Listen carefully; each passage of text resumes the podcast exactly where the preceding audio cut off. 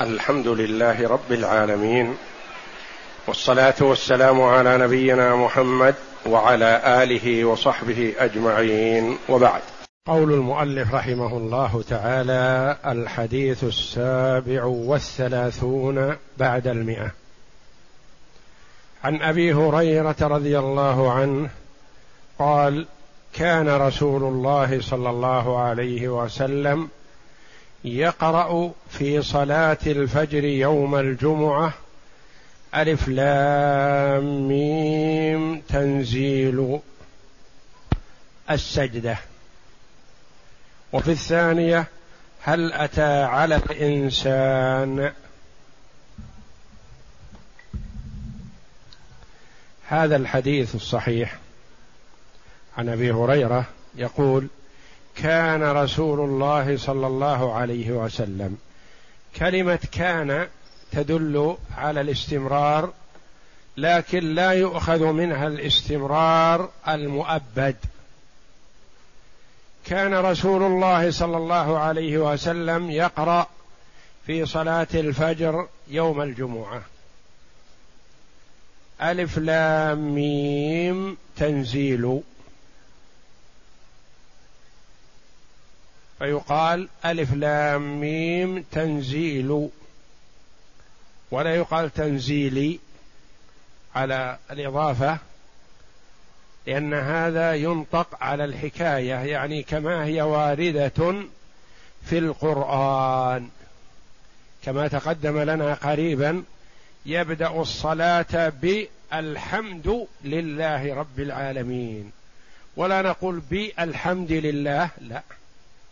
وإنما نقول بالباء حرف الجر يبدأ ب بماذا؟ بالحمد لله رب العالمين. وهنا نقول يقرأ في صلاة الفجر يوم الجمعة ألف لام ميم تنزيل لأنها في القرآن هكذا. ألف لام ميم تنزيل الكتاب لا ريب فيه من رب العالمين. أم يقولون افتراها الآية؟ ثم بينها فقال السجدة. لأن ألف لام ميم كثير في القرآن وإنما هذه ميزت بأنها سورة السجدة. وفي الركعة الثانية يقرأ هل أتى على الإنسان؟ يعني هل أتى على الإنسان حين من الدهر؟ هاتان السورتان. كان النبي صلى الله عليه وسلم كثيرا ما يقرأ بهما في صلاة الفجر يوم الجمعة.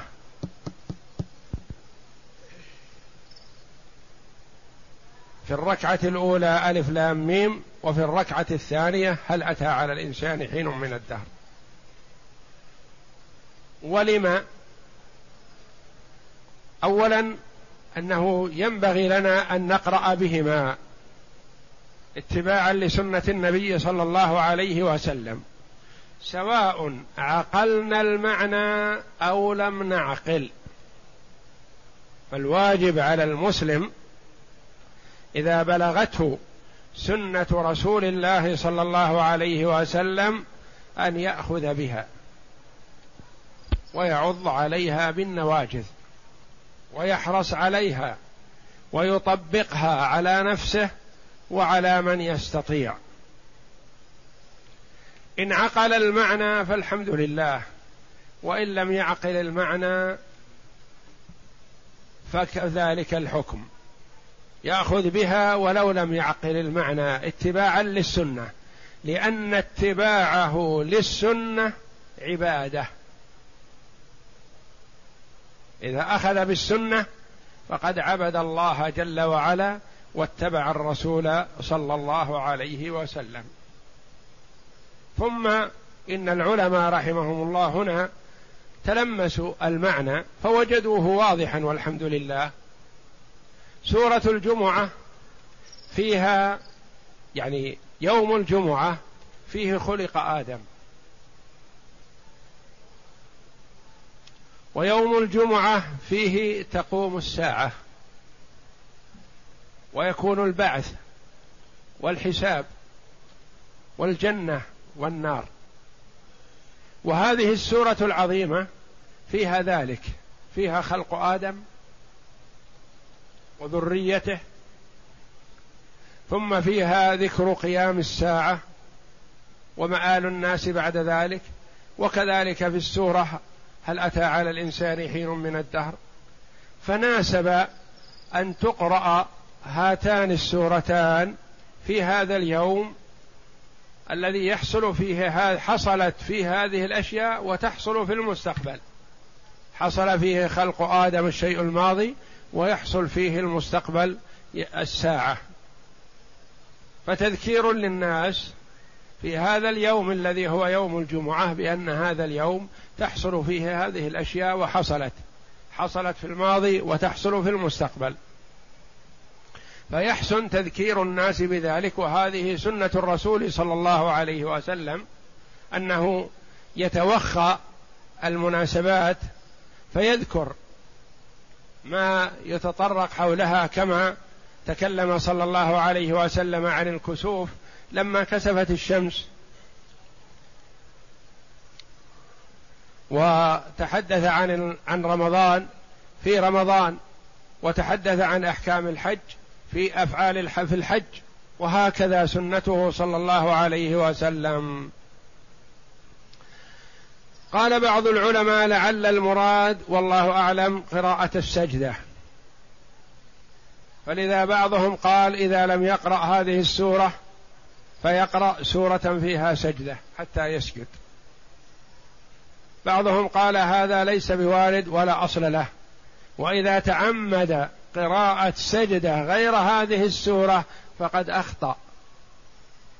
لأنه كأنه تعمد الزيادة في الصلاة ليسجد سجد تلاوه تعمدها ولم يكن متبعا. فهو إذا تعمدها اتباعا فعلى العين والرأس. وإذا تعمدها بغير اتباع فلا فلا يقبل منه. كما لو مثلا رتب إنسان أنه يقرأ في يوم الأحد أو يوم الاثنين من صلاة الفجر مثلا سورة معينة. نقول لا لا ينبغي له هذا ولا يجوز. إذا رتب أن يقرأ يوم الجمعة سورة السجدة وهل أتى على الإنسان حين من الدهر؟ نقول حسن لأنها وردت هذه عن النبي صلى الله عليه وسلم وتلك لم ترد عن النبي صلى الله عليه وسلم فلا.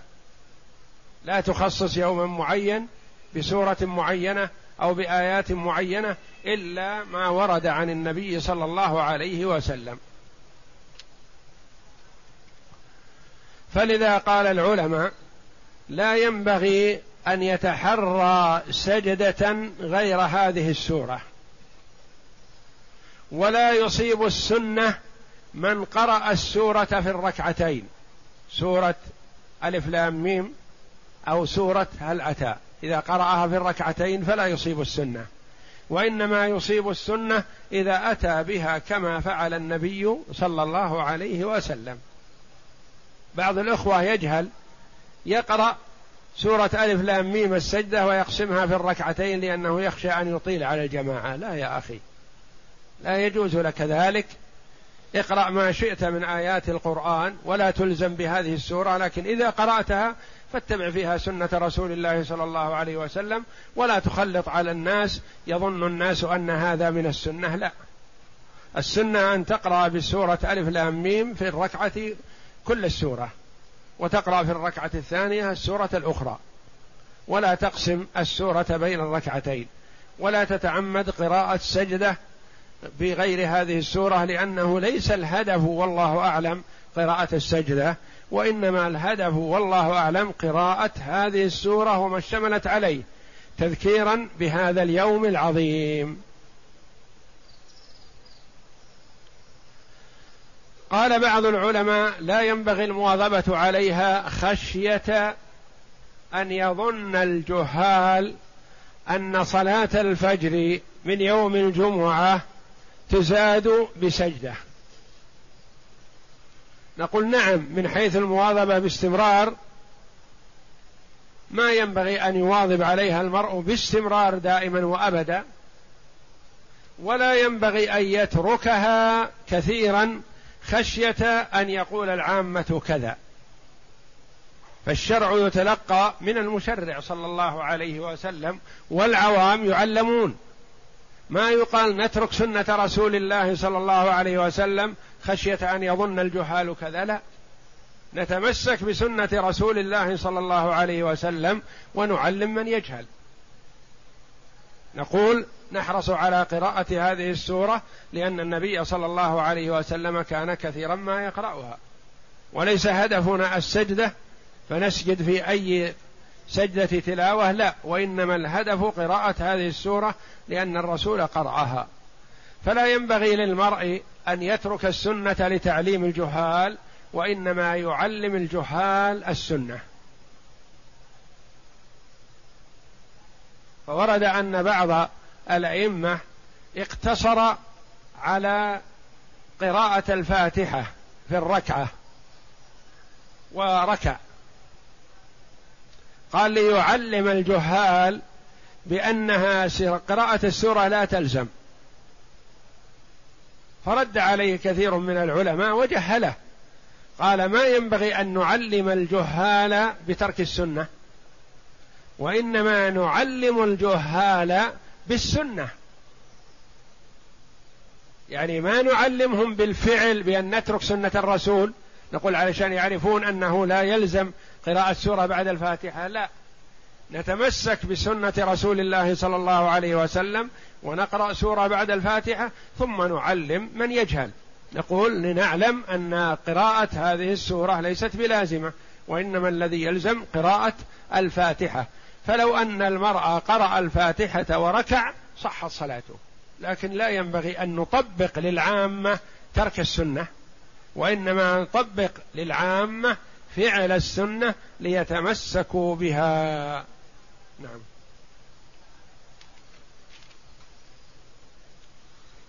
المعنى الإجمالي كان من عادة النبي صلى الله عليه وسلم أن يقرأ في صلاة فجر في صلاة الفجر يوم الجمعة ألف لام ميم تنزيل وهل أتى على الإنسان لما اشتملت عليه من ذكر خلق آدم وذكر المعاد وحشر العباد وأحوال القيامة الذي الذي كان وسيكون في يوم الذي كان خلق آدم. نعم. وسيكون القيامة. نعم. وسيكون في يوم الجمعة تذكيرا بتلك الحال عند منا عند مناسبتها. وهكذا ينبغي أن يذكر كل شيء كل شيء عند مناسبته ليكون أغلق أعلق بالأذهان وأحضر للقلوب وأوعى للإسماع. لأن الشيء إذا ذكر في وقته مثلا انتبه له الناس واهتم له وطبقوه كأن تذكر أحكام الصيام مثلا في أيام رمضان وتذكر أحكام القيام وصلاة التراويح في رمضان. لتثبت هذه المعلومات عند الناس وتذكر أحكام الحج مثلا في وقت الحج حتى يستفيد منها الناس ويتقي ويطبقوها. لأنها إذا ذكرت أحكام الحج مثلا في صفر أو في ربيع ربما تنسى قبل أن يأتي وقت تطبيقها. نعم. الأحكام. أولا استحباب قراءة هاتين السورتين في صلاة فجر يوم الجمعة. ثانيا ظاهر الحديث المداومة عليها من النبي صلى الله عليه وسلم لإتيان الراوي بصيغة كان. لأن كلمة كان تدل على استمرار. نعم. قال ابن دقيق العيد وفي المواظبة على ذلك دائما أمر آخر وهو أنه ربما أدى الجهال إلى اعتقاد أن ذلك فرض في هذه الصلاة. فإذا انتهى الحال إلى أن تقع هذه المفسدة فينبغي فينبغي أن تترك في بعض الأوقات دفعا لهذه المفسدة. ولكن ولكن تعقبه الصنعاني فقال الصنعاني في حاشيته على أحكام الأحكام المسمى العدة شرح العمدة على شرح العمدة. نعم. فقال إنه يتعين إشاعة السنن وتعريف الجاهل لما يجهله. يعني يعلم الناس تعليم. ولا تترك السنة حتى لا يظن الناس أنها كذا وإنما نعلم الناس أن هذه سنة. نعم. وإعلامه بالشريعة ولا تترك السنة مخافة جهله. وما مات وما ماتت السنن إلا خيفة العلماء من الجهال وليس بعذر. يقول إنها كثير من السنن نسيت وتركت. مثلا العلماء تركوها قالوا خشية أن يظن الجهال أنها واجبة ثم تركوها فلم يعملها العلماء ولم يتعلمها الجهال. فماتت كثير من السنن بذلك. ولو أن العلماء أحيوا السنة وعلموا الجهال لكان هذا هو المناسب. وينبغي للمرء إذا علم سنة من سنة من سنن رسول الله صلى الله عليه وسلم أن يطبقها وأن يعلم من حوله. لا يترك من حوله مثلا في حال ربما انتقاد له أو في حال مثلا آه، تجهيلا له ونحو ذلك لا يقول هذا الفعل سنة رسول الله صلى الله عليه وسلم وهو الحمد لله ليس بحتم لكن كلما حرص المؤمن على تطبيق السنة فهو خير له. حتى وإن كانت السنة بسيطة أو سهلة لكن شعور المؤمن بالتقيد بالسنة هذا يزيد في إيمانه ويضاعف له الأجر. يعني دخل المسجد قد يقول قائل مثلا قدم اليمنى أو قدم اليسرى المهم أن يصلي. نقول نعم المهم أن يصلي. قدم اليمنى أو قدم اليسرى صلاته صحيحة لكن إذا استشعر تقديم اليمنى اتباعا لسنة رسول الله صلى الله عليه وسلم فهذا دليل على مكانة السنة في قلبه وحرصه عليها ومحبته لها فيثاب لهذا الفعل ولهذا الشعور من القلب. والقلب يزيد إيمانه وينقص كلما استشعر المؤمن التمسك بسنة رسول الله صلى الله عليه وسلم زاد إيمانه. وكلما نسي المرء سنة الرسول صلى الله عليه وسلم ولم يبالي فعلها أو لم يفعلها نقص إيمانه. إذا استشعر عند تقديم مثلا لبس النعل يلبس اليمنى أولا.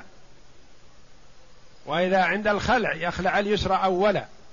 إذا أراد أن يدخل مكان قضاء الحاجة مكان البول والغائط قدم رجله اليسرى وإذا خرج قدم رجله اليمنى استشعارا بسنة رسول الله صلى الله عليه وسلم يثاب على هذا ويزداد إيمانه وتلمس للسنة وحرصه على تطبيقها وإذا تغافل وسهى ونسي هو لا يأثم بتقديم مثلا اليسرى في المسجد أو تقديم اليمنى إلى مكان قضاء الحاجة لا يأثم بهذا وإنما يحرم من الثواب. نعم. وما ماتت السنن إلا ولا تترك السنة. ولا تترك السنة مخافة جهله. ولا تترك السنة مخافة جهله.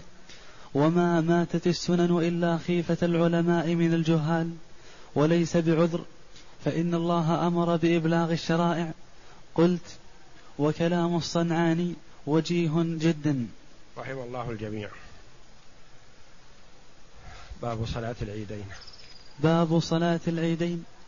الحديث الثامن والثلاثون بعد المئة.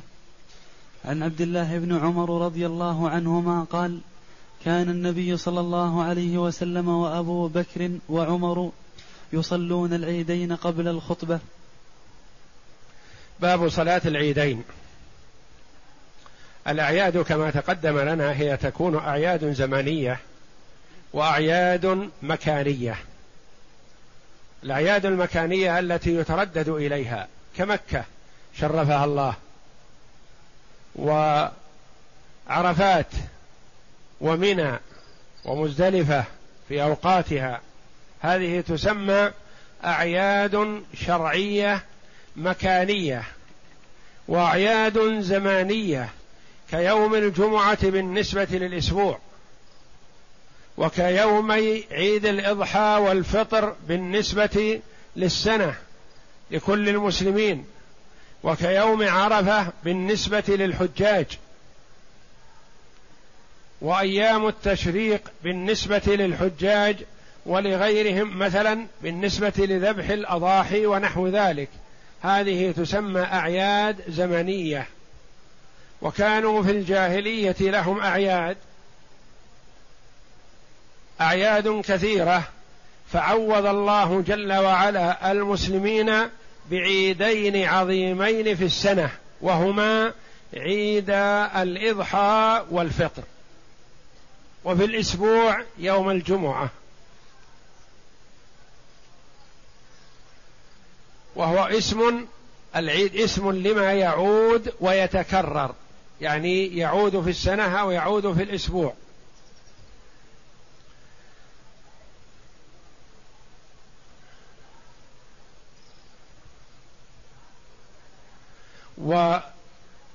والعيد والشعور به لا من أجل الفرح والبطر وإنما السرور به لإكمال عبادة من أحب العبادات إلى الله جل وعلا.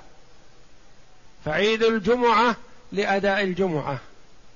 وعرفنا ما في فضل يوم الجمعة والتبكير إليها ومن جاء في الساعة الأولى فكأنما قرب بدنه. وعيد الفطر لإتمام رمضان والشكر لله جل وعلا على نعمة إتمامه. وعيد الإضحى للشكر لله جل وعلا على الحج وعلى الإتيان بهذه العبادة العظيمة وإتمامها. ولمن كان في الامصار التقرب إلى الله جل وعلا بالأضاحي بعد الأعمال الصالحة في عشر ذي الحجة ما من أيام العمل الصالح فيهن أحب إلى الله من هذه الأيام يعني أيام العشر. قالوا يا رسول الله ولا الجهاد في سبيل الله؟ قال ولا الجهاد في سبيل الله.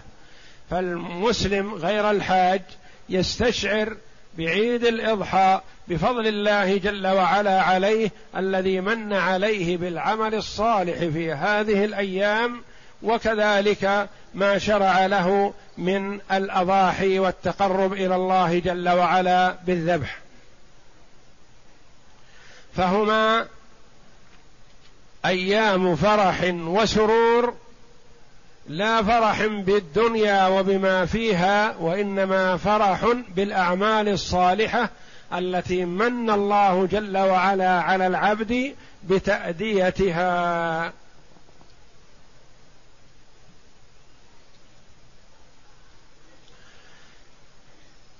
يقول عبد الله بن عمر رضي الله عنهما قال كان رسول النبي صلى الله عليه وسلم وابو بكر وعمر يصلون العيدين قبل الخطبة.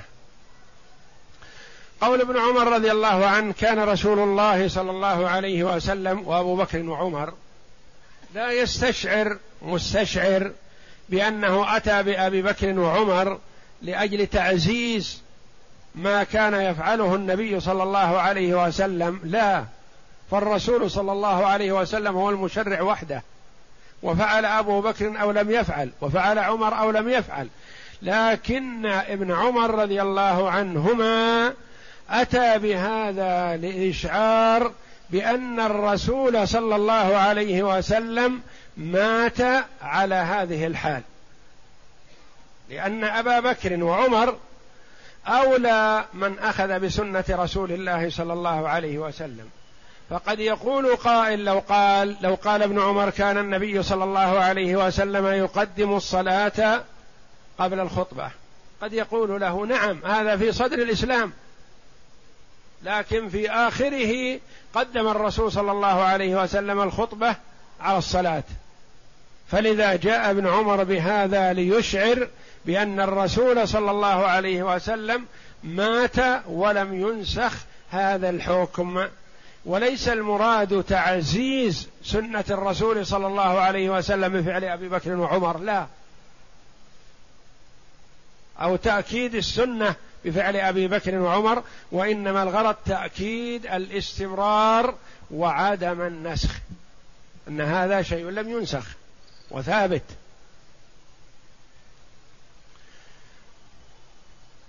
ولعل ابن عمر رضي الله عنهما قال هذا القول حينما تدخل بعض الامراء فقدم خطبة العيد قبل الصلاة. فأخبر رضي الله عنه بما عنده من العلم لأن بعض العلماء بعض الأمراء قدم الخطبة قبل الصلاة فقيل له لم فعلت هذا؟ قال إن الناس لا ينتظروننا. يعني لو صلينا قبل خرجوا وتركونا خطبتنا. فهو أراد منهم أن يلزمهم بسماع الخطبة يجعلها قبل الصلاة. وهذا خلاف سنة رسول الله صلى الله عليه وسلم وإن فعله من فعله لكنه لا يترك مثلا الصلاة معه لهذا الفعل بل تصلى كما ثبت وكما تقدم لنا أن صلاة الجمعة وصلاة العيدين وصلاة الاستسقاء تصلى خلف كل بر وفاجر لأن الأمور التي من شعائر الإسلام تصلى خلف كل بر وفاجر. نعم. المعنى الإجمالي كان من عادة النبي صلى الله عليه وسلم وخلفائه الراشدين أن يصلوا بالناس صلاة العيد صلاة العيد في الفطر. والإضحى ويخطب ويقدم الصلاة على الخطبة ففيه تقديم الصلاة على الخطبتين وتأتي بقية أحكامه في الأحاديث بعده. دليل تقديم الصلاة على الخطبة على أن سماع الخطبة ليس بحتم لأن النبي صلى الله عليه وسلم كما تقدم لنا قال إنا نخطب. فمن أحب أن يجلس فليجلس ومن أحب أن ينصرف فلينصرف. فشرع شرعت الخطبة ولم يلزم الناس بحضورها. بخلاف خطبة الجمعة فيلزم حضورها. نعم.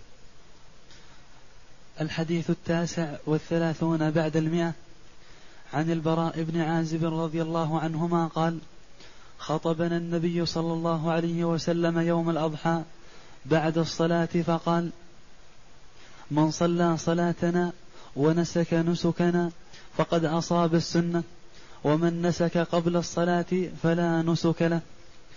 فقال أبو بردة ابن نيار خال البراء بن عازب يا رسول الله إني نسكت شاتي إني نسكت شاتي قبل الصلاة وعرفت أن اليوم يوم أكل وشرب وأحببت أن, أن تكون شاتي أول ما يذبح في بيتي. فذبحت شاتي وتغذيت قبل أن آتي أن آتي الصلاة. قال شاتك شاة لحم. قال يا رسول الله فإن فإن عندنا عناق وهي أحب إلينا من شاتين أفتجزئ عني؟ قال نعم ولن تجزئ عن أحد بعدك. هذا الحديث يقول البراء بن عازب رضي الله عنهما خطبنا النبي صلى الله عليه وسلم يوم الإضحى فقال بعد الصلاة خطبته وهكذا كانت خطبة رسول الله صلى الله عليه وسلم في العيدين بعد الصلاة. فقال من صلى صلاتنا يعني صلى معنا هذه الصلاة.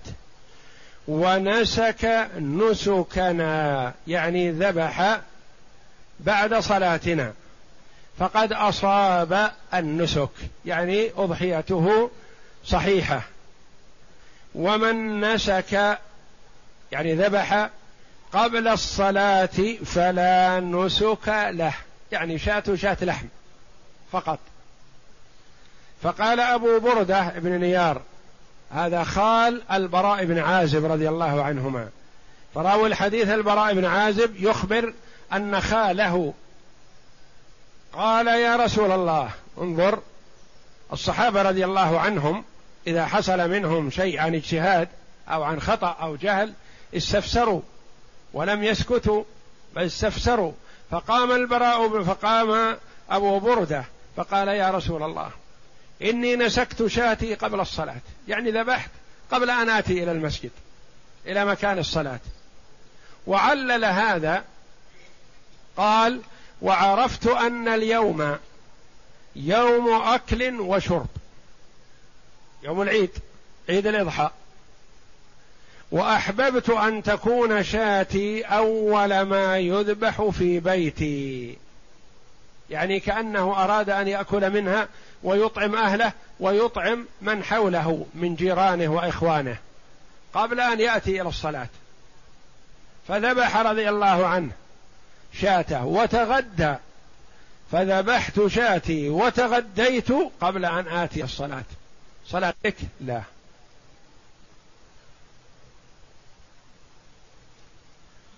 قال شاتك شاة لحم. يعني كأي شاة ذبحت للحم. ليست أضحية لأن الأضحية يلزم أن تكون بعد الصلاة.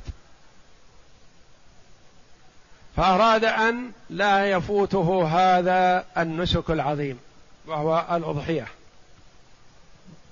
وقد لا يكون بيده نقود يشتري أضحية. فقال يا رسول الله فإن عندنا عناقا والعناق كما هو معروف هي الأنثى من المعز التي لم يتم لها سنة وقد كبرت. يعني قويت لكنها ما تمت سنة وهي أحب إلينا من شاتين يعني في القيمة هي غالية الثمن عندنا. وكأنه رباها ليجعلها منيحة. وبعض المعز يكون ذا قيمة. أغلى من بعض وأغلى من الشياه. فهو يبين مكانتها في قلبه. فهو فهي غالية في قلبه ومع ذلك يريد تقديمها لوجه الله جل وعلا. فهل تجزي أو تكون مثل الأولى؟ شاة لحم. أفتجزئ عني؟ يعني إذا ذبحتها؟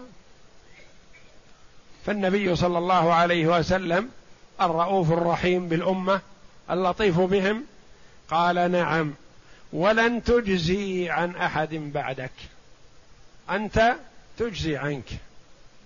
وهو صلى الله عليه وسلم فضله الله جل وعلا وجعل التشريع على لسانه. كما جعل صلى الله عليه وسلم شهادة خزيمة بشهادة رجلين. وهو الوحيد الذي شهادته بشهادة رجلين. مع أنه ليس بأفضل الصحابة لكن النبي صلى الله عليه وسلم ميزه بهذا لمبادرته رضي الله عنه بالشهادة على وجهها. فقال نعم ولن تجزي عن أحد بعدك. يعني المعز لا بد أن يكون له سنة والظان يكون له ستة أشهر والبقر يكون له سنتان والإبل يكون له خمس سنين. هذه الأسنان في الأضحية والهدي المطلوب فيه السن بهذا المقدار بهذا القدر. ستة أشهر للضأن وسنة للمعز وسنتان للبقر وخمس سنين للإبل. فلو قدم هدي إبل له أربع سنين ما صح وما أجزأ. ولو قدم بقرة لها سنة ونصف ما أجزأت. ولو ذبح ضأنا له أربعة أشهر أو خمسة أشهر ما صح وما أجزأ. ويجهل بعض الناس فيظن أن المراد هو الذبح ولا يفكر في السن. أو ذبح معز لها عشرة أشهر أو ثمانية أشهر أو تسعة أشهر ما أجزأت. بل لا بد أن يكون لها سنة. وهكذا فهذه الأسنان ضرورية. ويجب على من اطلع على خطأ من الناس أن ينبههم. ويحرم على المرء أن يبيع على من أراد هديا أو أضحية أن يبيع عليه سنا لم تستكمل إلا بعد إعلامه. ولا يحرم عليه البيع وإنما يحرم عليه أن يغشه بأن هذه جائزة في الهدي. فيبين له أن هذه لا غير مجزئة في الهدي ويبيعها عليه. إذا علمه فهو شأنه قد يكون يريد أن يربيها ويؤديها إلى أهله.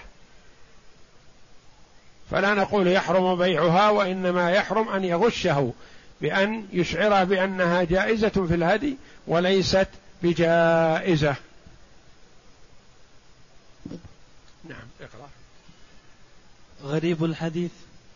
نسك النسك الذبح والنسيكة الذبيحة ويأتي لمعان مجازية.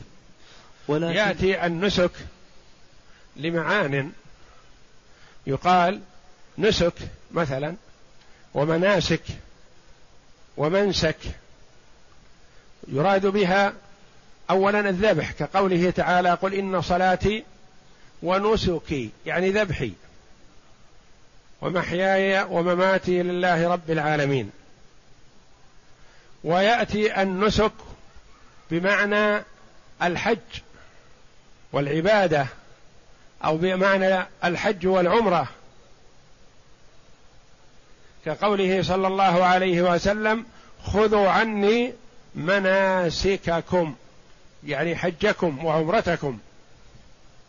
ويأتي النسك بمعنى العبادة. يقال هذا رجل ناسك يعني متعبد عابد لله جل وعلا. فهي بمعان والمراد بها هنا النسك الأضحية الذبح. نعم. ذبح الأضحية. نعم. ولكن المراد ها هنا ما ذكرنا.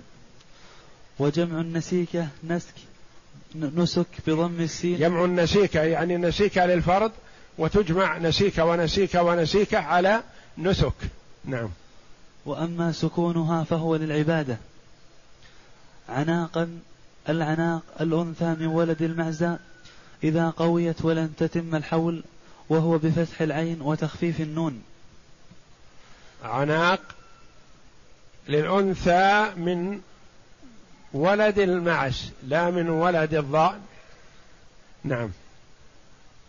المعنى الإجمالي خطب النبي صلى الله عليه وسلم في يوم عيد الإضحى بعد صلاتها فأخذ يبين لهم أحكام الذبح ووقته ووقته في ذلك اليوم. فذكر لهم أنه من صلى مثل هذه الصلاة ونسك مثل هذا النسك الذين هما هد هدية هدي هما هدية صلى الله عليه وسلم فقد أصاب النسك المشروع. أما من ذبح قبل صلاة العيد فقد ذبح قبل دخول وقت الذبح. الصحابة رضي الله عنهم يصغون لما يقول النبي صلى الله عليه وسلم ويستفيدون من ذلك في الحال. كما أنه لما علم النبي صلى الله عليه وسلم الصحابة حجاب النساء في صلاة العشاء جاء بعض نساء المهاجرين والأنصار يشهدن صلاة الفجر قد طبقن سنة رسول الله صلى الله عليه وسلم على أنفسهن. وقد أثنت عليهن أم المؤمنين عائشة رضي الله عنها بذلك. نعم. فتكون ذبيحته لحما لا نسكا مشروعا مقبولا. فلما وهو ذبح رضي الله عنه سرعة محبة للمبادرة والسرعة وأن تؤكل نسيكته وذبيحته وأضحيته على حاجة وفاقة. نعم. فلما سمع أبو بردة خطبة النبي صلى الله عليه وسلم قال يا رسول الله إني نسكت شاتي قبل الصلاة. وعرفت أن اليوم يوم أكل وشرب وأحببت أن تكون شاتي أول ما يذبح في بيتي. فذبحت شاتي وتغديت قبل أن آتي إلى الصلاة. فقال صلى الله عليه وسلم ليست نسيك نسيكتك مشروعة وإنما هي شاة لحم. لأنها تقدمت قبل وقتها. نعم. قال يا رسول المسلم يتعبد الله جل وعلا على وفق سنة رسول الله صلى الله عليه وسلم. فيذبح في وقت الذبح ويتوقف في وقت التوقف يصوم في وقت الصيام ويفطر في وقت الفطر ويمسك في وقت الإمساك ويأكل في وقت الأكل وهكذا. نعم. قال يا رسول الله إن عندي عناقا مرباه في البيت وغالية في نفسي وهي أحب إلينا من شاتين. أفتجزئ عني إذا أرخصتها في في طاعة الله ونسكها ونسكتها؟ ونسكتها يعني ذبحتها. نعم. قال صلى الله عليه وسلم نعم ولكن هذا الحكم لك وحدك من سائر الأمة فلا تجزئ عنهم عناقا من المعزى ما لم تتم سنة. ما يؤخذ من الحديث أولا فيه تقديم الصلاة على الخطبة في صلاة العيد وأن هذا من وأن هذا هو سنة النبي صلى الله عليه وسلم. ثانيا وفيه أن من حضر الصلاة والذكر ثم ذبح بعد الصلاة فقد أصاب السنة وحظى بالاتباع. ثالثا وفيه أن حضور الصلاة من علامات من علامات قبول النسك يعني قول من صلى صلاتنا ونسك نسكنا. يعني صلى ونسك فلا يتأخر عن الصلاة من أجل أن يبادر بالذبح. نعم. وأما من ذبح قبل الصلاة فإن نسكه غير مقبول وغير مجزئ. يعني مجرد لحم فقط لا ثواب له. نعم. رابعا وأن وقت الذبح يدخل بانتهاء الصلاة. قال ابن دقيق العيد ولا شك أن الظاهر من اللفظ أن المراد فعل الصلاة وإرادة وقت, وقت الذبح. للعلماء رحمهم الله فيه ثلاثة أقوال. الجمهور على أن وقت الذبح يحل بانتهاء الصلاة وهو مذهب أبي حنيفة وأحمد رحمهم الله. بانتهاء الصلاة. إذا انتهت الصلاة صار وقت الذبح.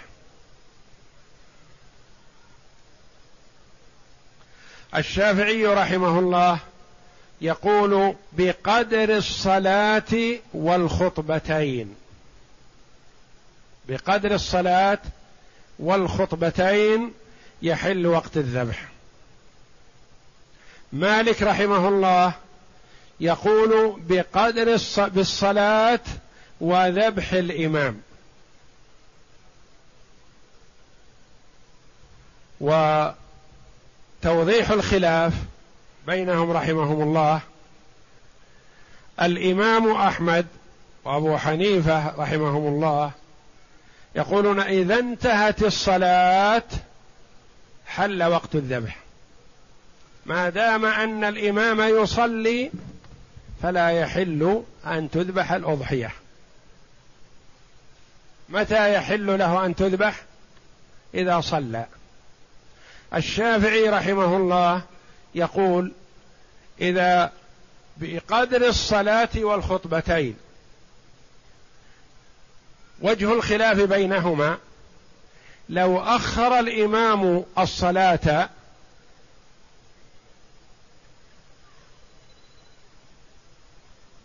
فلا فيحل الذبح عند الشافعي ولا يحل عند أحمد وأبي حنيفة. أبو حنيفة وأحمد يقول حتى تنتهي الصلاة قدمت أو أخرت. الشافعي يقول بقدر الصلاة والخطبتين. يعني وقت الصلاة مثلا يبدأ الإمام بعد طلوع الشمس وارتفاعها قدر رمح قل بعشر دقائق. وصلاة الاستسقاء صلاة العيدين مثلا خمس دقائق والخطبة عشر دقائق. يعني بعد طلوع الشمس بنصف ساعة يقول اذبح. إذا أخذت وقت مقدار وقت الصلاة ومقدار وقت الخطبة فاذبح. صلوا أو ما صلوا. الإمام أحمد وأبو حنيفة يقول إذا انتهت الصلاة فاذبح. قدمت أو أخرت. لو أخرت الصلاة مثلا بعد طلوع الشمس بنصف ساعة بساعة إلا ربع مثلا فلا يحل الذبح حتى تنتهي الصلاة. مالك رحمه الله يقول بقدر الصلاة يعني بانتهاء الصلاة مع الإمامين وذبح الإمام. وقد علقه بمجهول لأننا لا ندري متى يذبح الإمام. يقول بقدر الصلاة بفعل الصلاة وذبح الإمام. والحديث دل على ما ذهب إليه أحمد وأبو حنيفة رحم الله الجميع. نعم. وإرادة وقتها خلاف أربعة أن وأن وقت الذبح يدخل بانتهاء الصلاة. قال ابن دقيق العيد يعني يدخل يبدأ وقت الذبح بانتهاء الصلاة. وما دل عليه الحديث وهو مذهب أحمد وأبي حنيفة رحمهم الله. نعم. ولا شك أن الظاهر من اللفظ أن المراد فعل الصلاة وإرادة وقتها خلاف الظاهر. يعني ما أراد النبي وقت الصلاة لأن وقت الصلاة قد يتقدم ويتأخر وإنما نعلقه بفعل الصلاة. نعم. فالحديث نص على اعتبار الصلاة ولم يعترض لاعتبار الخطبتين. لأن النبي صلى الله عليه وسلم أذن للناس بالخروج بعد الصلاة فمن خرج إذا ذبح ولو أن الإمام يخطب فذبحه صحيح. نعم. فمن ذبح قبله فلا يجزئ عنه ولو كان جاهلا قبل دخول وقتها. لأن هذا لا يعذر بالجهل. فرق بين فعل المأمور على خلاف الوجه الشرعي جهلا والوقوع في المنهي عنه على خلافه شرعا.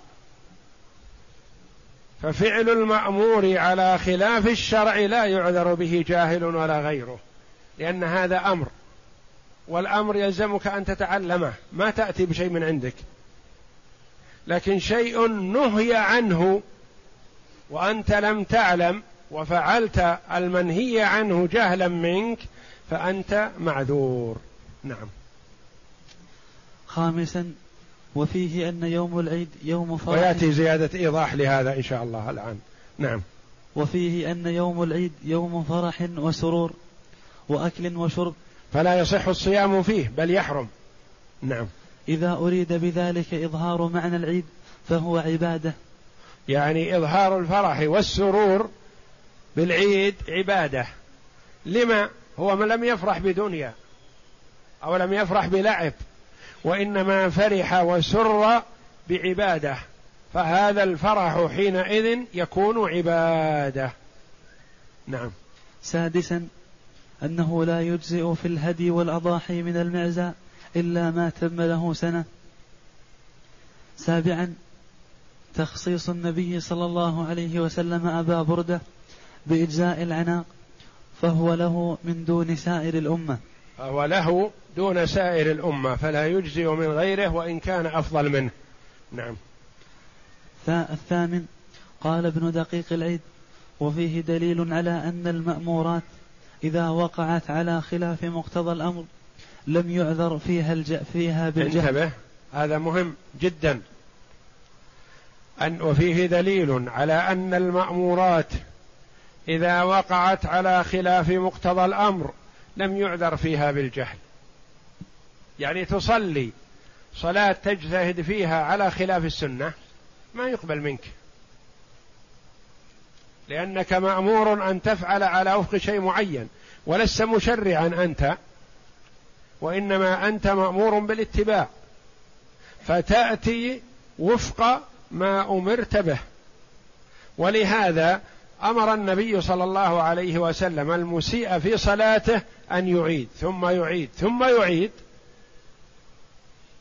وكل إعادته هذه باطلة لانها على خلاف السنة. ما عذره صلى الله عليه وسلم بجهله.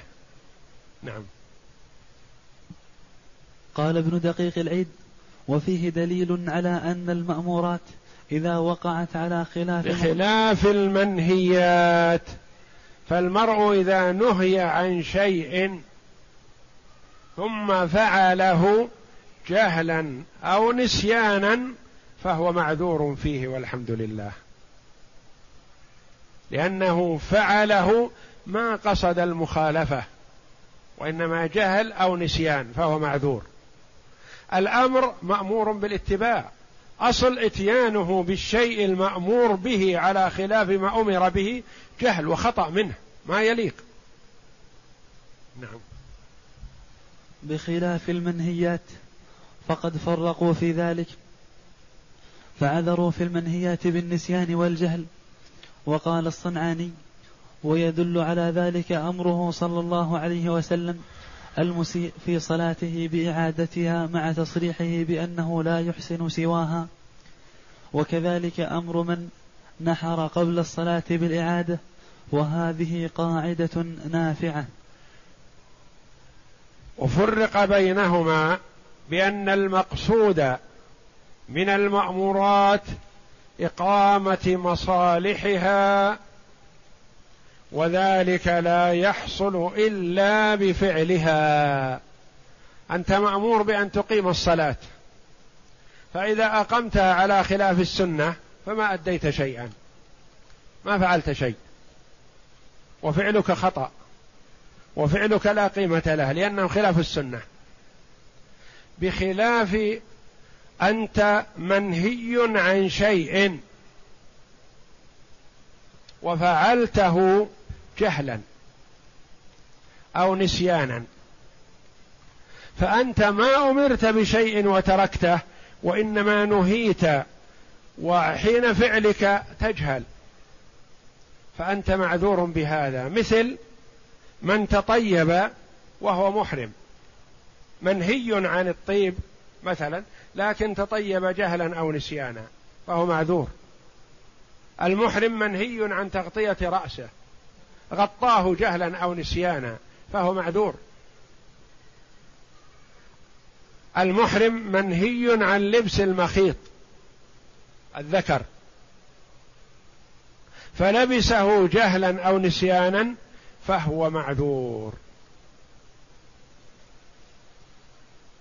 فعل شيئا خلاف الأمر فلا يعذر. مأمور بأن يحرم من الميقات. مثلا قال في نفسه ما يحتاج أن نحرم للحج من جوار المدينة من أبيار علي. نتقدم مئتي كيلو أو ثلاثمائة كيلو إذا حاذينا حول مكة أحرمنا. نقول لا هذا أنت لست معذور لأنك مأمور بأن تحرم من الميقات. فتركت الأمر ففعلك حينئذ لا تعذر فيه. منهي فتركت فعلت ما نهيت عنه جهلا أنت معذور لأنك لا تدري. فرق بين الأمر بالشيء والنهي عنه. فالمأمور بالشيء لا يتم له إتيانه به حتى يؤديه كما أمر. المنهي عن الشيء إذا لم يعلم وكان جاهل فهو معذور بجهله. وفرق بينهما بأن المقصود من المأمورات إقامة مصالحها يعني الإتيان بها كما أمر. وذلك لا يحصل إلا بفعلها. إذا صلى صلاة لم يطبق فيها سنة الرسول صلى الله عليه وسلم وفعله وأمره ما كأنه صلى كأنه يلعب. والمنهيات مزجور عنها بسبب مفاسدها امتحانا للمكلف بالانكفاف عنها وذلك إنما يكون بالتعمد لارتكابها. فإذا تعمد المخالفة نقول غير معذور. إذا خالف جاهلا نقول معذور. وذلك إنما يكون بالتعمد لارتكابها ومع النسيان والجهل لم يقصد المكلف ارتكاب المنهي فعذر بالجهل فيه. والله أعلم. وصلى الله وسلم وبارك على عبده ورسول نبينا محمد وعلى آله وصحبه أجمعين.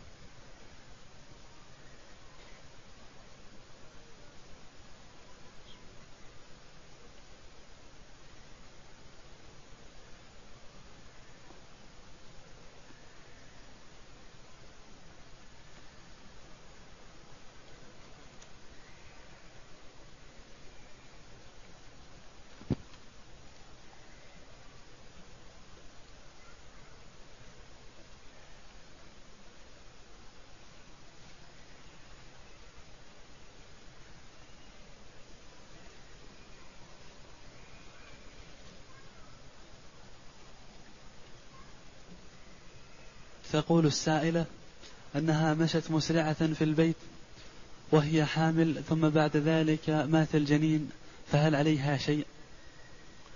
لا يجب عليها شيء ما دام انها هي مأذون لها في المشي وهي تمشي عادة ولم تقصد إسقاط الجنين فلا ذنب عليها حينئذ والله أعلم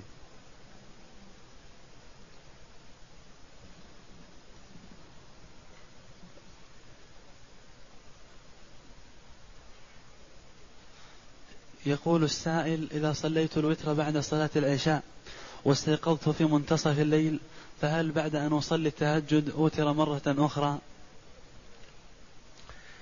إذا صليت العشاء وأوترت ثم نمت ثم استيقظت من آخر الليل أو في منتصف الليل ورغبت أن تصلي فلك أن تصلي ما شئت ولكن لا تعيد الوتر. لقوله صلى الله عليه وسلم لا وتران في ليلة. فالوتر لا يمنع من الصلاة. إذا أوترت ثم رغبت أن تصلي بعد ذلك فصل ما شئت.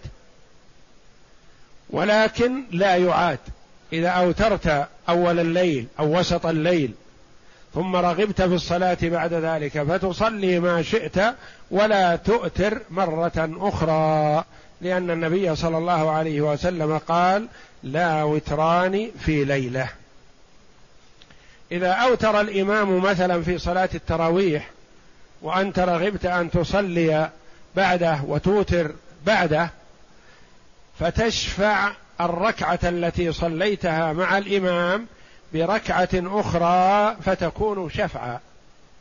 ثم تصلي ما تيسر لك في الليل أوله أو أوسطه أو آخره ثم توتر آخر الليل.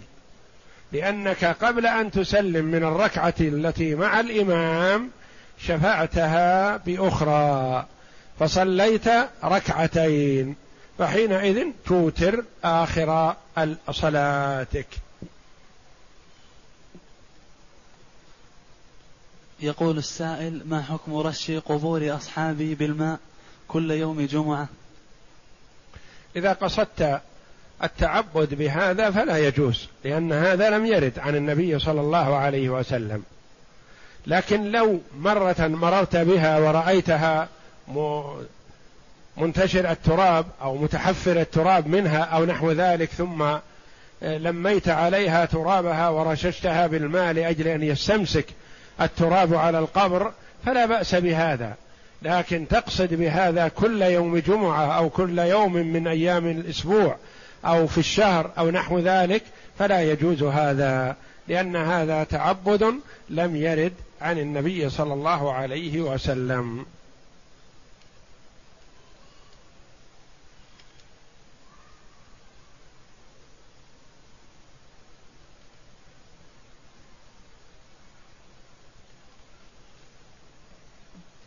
يقول السائل ما حكم صلاة ركعتين بين الأذانين يوم الجمعة؟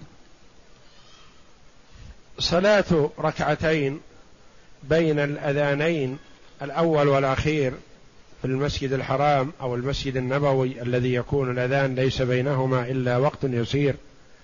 صلاة الركعتين جائزة لكن لا يقال عنها إنها راتبة وإنما هي نافلة مطلقة فلا ينهى عنها لأنها لم تكن في وقت النهي لأنه لا يؤذن المؤذن الأذان الأول إلا بعد الزوال فيكون انتهى وقت النهي ودخل وقت صلاة الظهر. فإذا صليت ركعتين بين الأذانين فهي صلاة تطوع مطلق جائزة ولكن ليست براتبة ولا مؤكدة. وفي قوله صلى الله عليه وسلم بين كل أذانين صلاة بين كل أذانين صلاة بين كل أذانين صلاة وقال في الثالثة لمن شاء المراد الأذان والإقامة. الأذان والإقامة يسميان أذانين.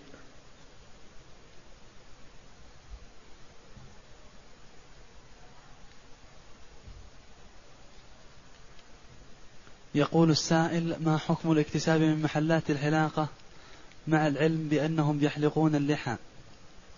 لا يجوز الاكتساب من هذا لأن حلق اللحى محرم والإعانة عليه وأخذ الأجرة عليه حرام لأن الله جل وعلا إذا حرم شيئا حرم ثمنه.